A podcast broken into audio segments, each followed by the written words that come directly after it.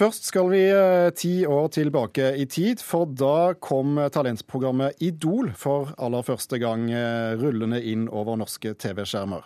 TV 2 selv feirer jubileumspro med jubileumsprogram i kveld. Vi i Kulturnytt feirer med en diskusjon om hva vi egentlig har fått ut av det, rent musikalsk.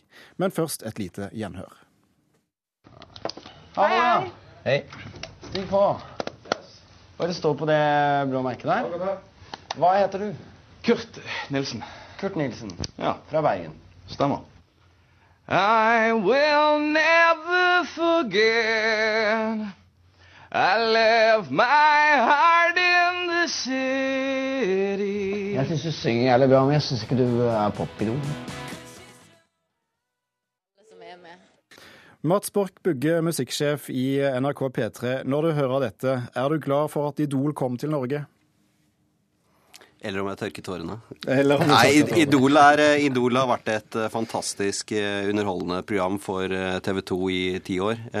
Så det er klart jeg er glad for at det har vært god TV-underholdning, selvfølgelig. Hva har Idol brakt med seg?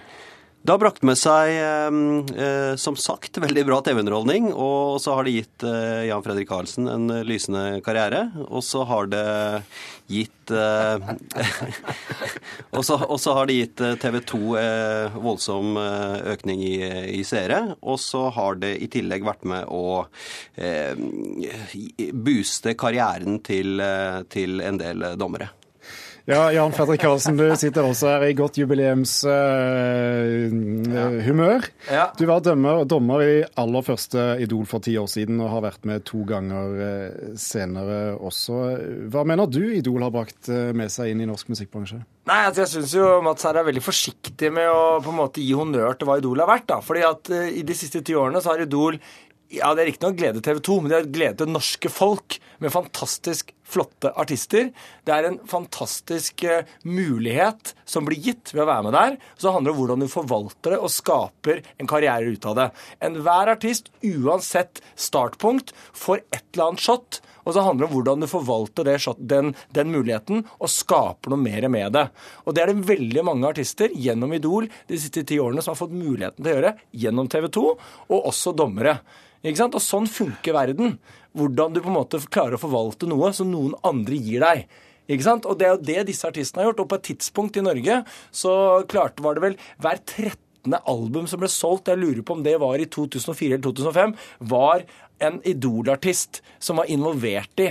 Ikke sant? Og for ti år siden så var platebransjen på vei ned. Krisen kom.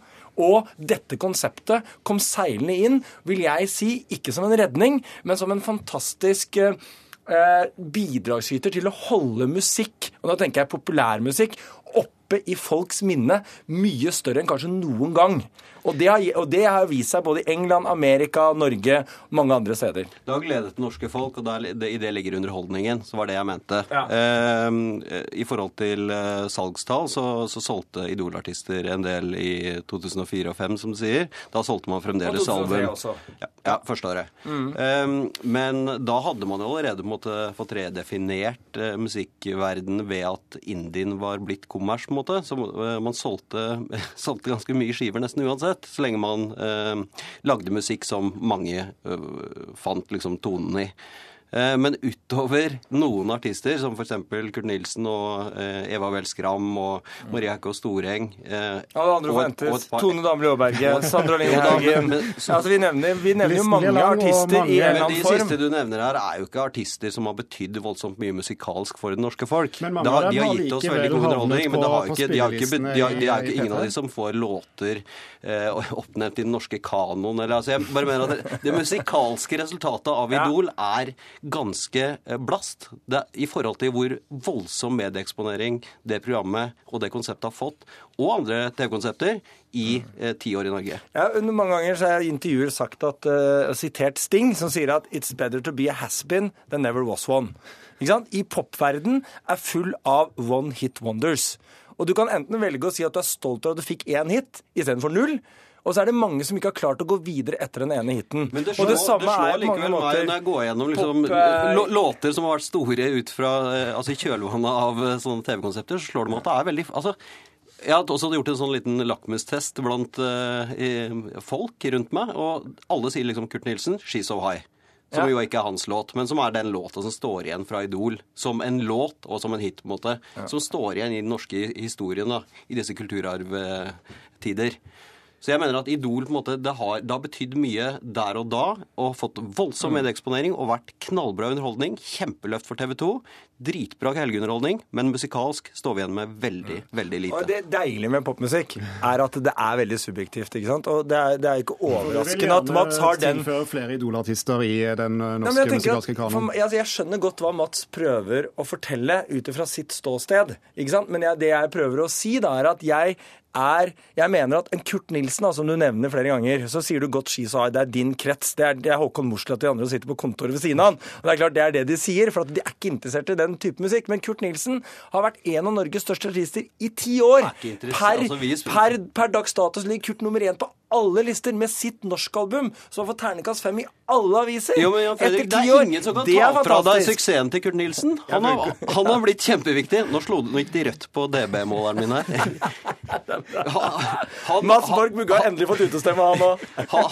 han Det er ingen som kan ta fra deg eller han suksessen. Han ble world idol. Han, han, ble, han ble larger than life. Det var ingen som kunne ta ham på noen ting, fordi han også internasjonalt ble han omfavna. det er ni år siden. Det handler Ja, om da. hva du har skapt i etterkant. Og jeg er enig med deg. Han har skapt masse, han har skapt masse etter, et, et, et, Ja. etterkant, men lista over artister som har gjort det samme, er, eksisterer ikke.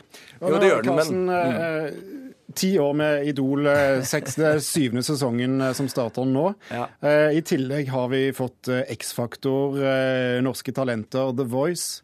Hvor mange sånne programmer kan vi få og fortsatt eh, skape artister, om det så er eh, Herr Spinn eller eh, nesten der? altså, popmusikk, eller musikk med en grad av suksess, er det ikke noe fasit på. Og Det er det som er det fantastiske med å jobbe med det vi holder på med. ikke sant? Og trender og sånne ting. Så dette er én som jeg har sagt mange ganger, dette er én av veldig mange veier å bli oppdaget på. Og jeg mener Eva and the Heartmaker er et kredibelt, fett pop en popduo som P3 har omfavnet i flere år. Men Eva også fikk sin mulighet gjennom dette. Og så mener jeg at da, du, da, drar hun det med seg av en erfaring, en oppmerksomhet, og så bygger du noe mer. En nysgjerrighet, noen har oppdaget noe.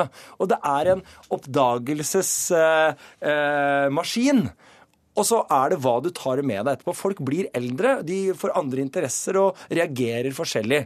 Ikke sant? Og, og det Mats eh, refererer til som er ganske riktig, var jo musikkartoteket. Det er greit å si det, men sånn er det med hvilken som helst annen popmusikk. Det er mange som gir ut plater som du aldri har hørt om, som ikke har vært med på dette her. Det, en, del, det representerer en del av vår popverden. Ikke sant? Det kommer 200 singler inn til P3 hver uke som ønsker å bli A-lista, og det er tre av dem som blir det. Og blir det av de 197 andre? De Jo, hører aldri mer om igjen. Men her er det liksom sånn i forhold til eh, medieeksponeringen, da. For jeg er enig i at den konsentrerte medieeksponeringen idolartister får får i den perioden det pågår, den kan være gull verdt. Og så kan det være døden for mange artister. Nå senest Jenny Langlo, som gikk på en smell etter at uh, hun fikk så mye oppmerksomhet, og som da aldri får ut det albumet. Kanskje det er bra for henne på sikt. Men jeg bare mener at det er Altså, eh, det må være lov å uh, se på et konsept som et underholdningsprogram. Punktum. Og så er det en, en spin-off at man har fått enkeltstående store låter, og da Kurt Nilsen i front som en suksessfull og bra norsk artist. Ja, takk skal du ha, Mats Borch Bygge, musikksjef i P3. Og takk også til Jan Fredrik Karlsen, manager og Idol-dommer gjennom flere sesonger.